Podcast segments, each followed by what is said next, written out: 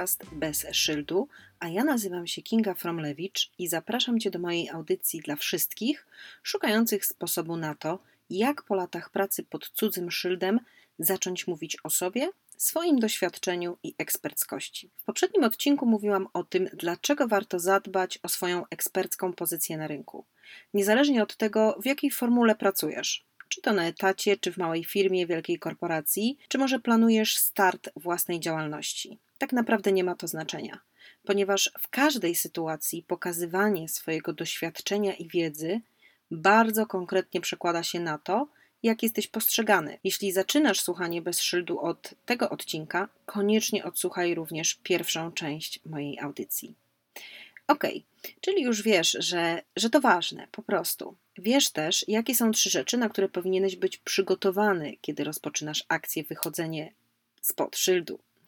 Dzisiaj z kolei chciałabym postawić i pomóc Ci odpowiedzieć na dwa pytania, które są tak naprawdę strategiczne i bez których nie bardzo budowanie rozpoznawalności nazwiska się uda. Niekoniecznie będzie to udany proces. W poprzednim odcinku mówiłam też o jednej rzeczy, ale będziesz ją ode mnie słyszał tutaj bardzo, bardzo często. Od razu to zapowiadam.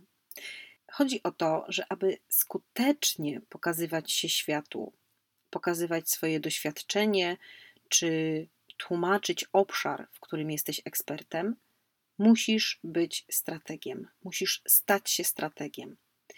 Będę to powtarzać, ponieważ to jest tak naprawdę kluczowy element w całym projekcie nazwanym Twoim imieniem i nazwiskiem. Bez stania się strategiem, bez podejścia strategicznego, będzie Ci trudno skutecznie docierać do swoich odbiorców, ale też w taki sposób, e, powiedziałabym, spójny, w sposób, który jednoznacznie kojarzy się z Tobą, z Twoim nazwiskiem i z tym, co robisz. I tak naprawdę bycie strategiem wcale nie jest najłatwiejszym zadaniem. Podzielę się z Tobą takim jednym moim doświadczeniem z warsztatów, które prowadzę, z tworzenia strategicznych przekazów o marce.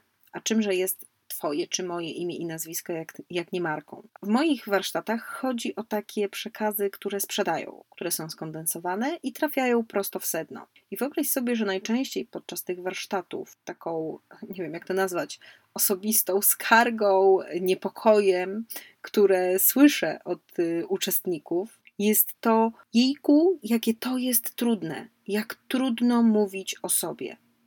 Dlatego, choć na pozór opowiadanie o sobie i swoim doświadczeniu może się wydawać najbardziej oczywistą rzeczą pod słońcem, to właśnie jest ten element, który powinieneś potraktować bardzo strategicznie. Bo wiesz, w końcu ty masz powiedzieć światu, co ma o tobie myśleć, i masz zapobiegać temu, żeby myślał coś tam, albo byle co, albo coś przypadkowego. Mam nadzieję, że już wystarczająco mocno zagęściłam atmosferę i czujesz wagę tych pierwszych kroków na drodze do wychodzenia spod cudzego szyldu. I świetnie, o to chodziło.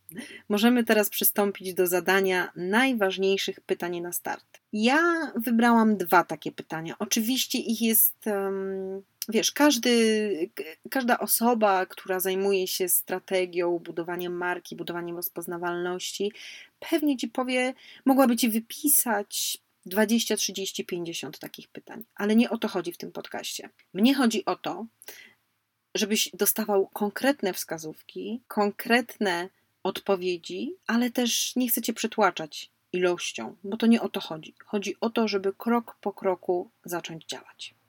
No dobrze, przechodząc do rzeczy. Jakie jest pytanie numer jeden? Brzmi ono: jak chcesz być kojarzony?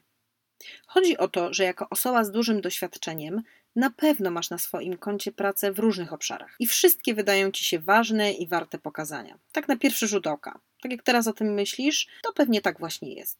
Że wydaje ci się, że wow, kurczę, ja właściwie to mam tyle rzeczy do powiedzenia. No okej, okay. tylko chodzi o to, że ty nie masz prezentować swojego kompletnego CV i niech ludzie sobie wybierają, co ich interesuje. Nie.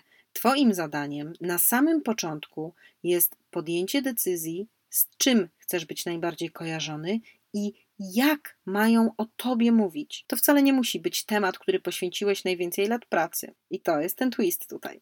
ale ważne, żeby to był taki temat, który Ciebie najbardziej kręci i sprawia Ci najwięcej radości, bo uwierz mi, wtedy opowiadanie o nim będzie Ci przychodziło z wielką naturalnością, autentycznością i po prostu z radością.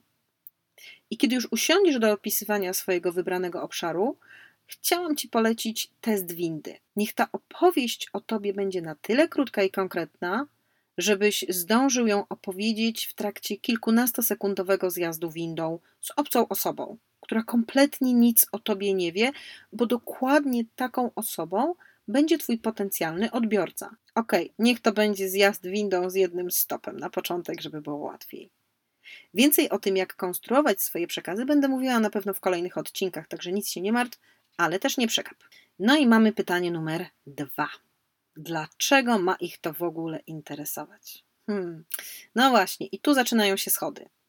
Bo to, że masz dużo do powiedzenia, znasz mnóstwo ciekawych case study i znasz odpowiedź na najtrudniejsze pytania z Twojego obszaru działania, jest oczywiste. Pytanie brzmi: dlaczego kogokolwiek ma to w ogóle interesować? Bo wiesz, jak tak pomyśleć, to żyjemy w czasach dwóch nad. Nad interpretacji tego, kto jest ekspertem, to przede wszystkim. Założę się, że podobnie jak ja, również i ty, i twoi znajomi widzicie reklamy osób na przykład dwudziestokilkuletnich, które przedstawiają się jako mentor z mega doświadczeniem, jako ekspert z totalnie gigawielkim życiowym doświadczeniem i zawodowym. No i tak, no z takimi osobami będziesz musiał konkurować o uwagę odbiorców i, i to jest po prostu oczywiste, na to musisz być przygotowany. Nie, nie uciekniemy od tego. Będziesz również musiał konkurować o tę uwagę z osobami, które nie do końca grają czysto i na przykład obiecują złote góry. Jednak o tym, jak radzić sobie z tego typu konkurencją, porozmawiamy przy innej okazji. Teraz warto, żebyś wiedział, że są takie wyzwania i musisz sobie z nimi w jakiś sposób poradzić, oswoić je.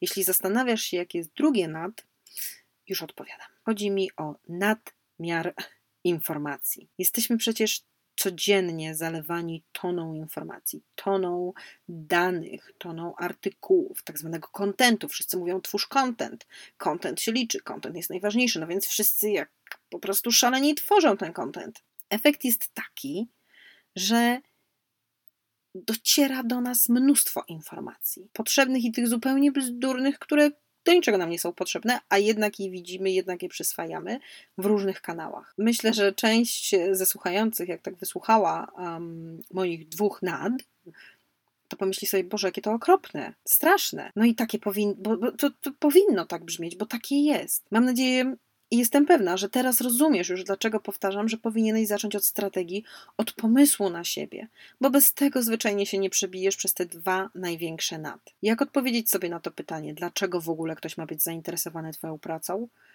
Chciałabym Cię zostawić dzisiaj e, z zadaniem domowym. Weź kartkę i zrób porządną prasówkę, po prostu. Tylko z takim zastrzeżeniem, że jak mówię prasówka, to nie mam na myśli przeglądania tylko papierowych gazet, ale i portali informacyjnych, social media, grup na Facebooku czy LinkedInie. Sprawdź co i jak, jak mówię wielkimi literami, pisze się o Twojej działce, a co najważniejsze, o co najczęściej pytają ludzie. I teraz wypisz jak najwięcej takich punktów, a potem usiądź w spokoju i wybierz 3, 4, no maksymalnie 5 rzeczy lub obszarów, które nie dość, że często się w tych pytaniach powtarzają, to jeszcze najbardziej pasują do ciebie i twojej strategii na wychodzenie z podszydu i sprawiają ci frajdę. Pamiętasz? Mówiłam kilka minutek wcześniej o tym, że to powinien być taki obszar Twojej działalności, który sprawia Ci frajdę i sprawia Ci radość i w którym czujesz się najbardziej naturalnie. No i tak zupełnie przypadkiem Oczywiście żartuję, to jest przemyślane. Zrobił nam się odcinek z zadaniami domowymi. Mam nadzieję, że ułatwią Ci przygotowanie Twojego planu. A gdybyś chciał o coś zapytać, dopytać, skonsultować, pamiętaj, że możesz do mnie napisać na kontakt małpa.kingafromlewicz.pl albo zaczepić mnie na LinkedInie czy Facebooku. Zawsze odpowiadam na każdą wiadomość, może nie w ciągu sekundy, ale jestem w stałym kontakcie z moimi słuchaczami, z moimi odbiorcami właśnie po to, żeby pomóc im rozwiewać wątpliwości czy pytania, jakie się nasuwają. Daj też znać, jeśli jest jakiś temat, o którym koniecznie powinnam opowiedzieć w swoim podcaście. Bo wiesz, pomysłów i plan, oczywiście na podcast, mam rozpisany na co najmniej kilkanaście odcinków, ale i o tym też będziemy rozmawiać, mogę po prostu ulec klątwie wiedzy. Czyli coś, co dla mnie wydaje się oczywiste, dla ciebie niekoniecznie takie musi być. I będę wdzięczna za podrzucenie takiego tematu. To co? Słyszymy się w kolejnym odcinku. Do usłyszenia.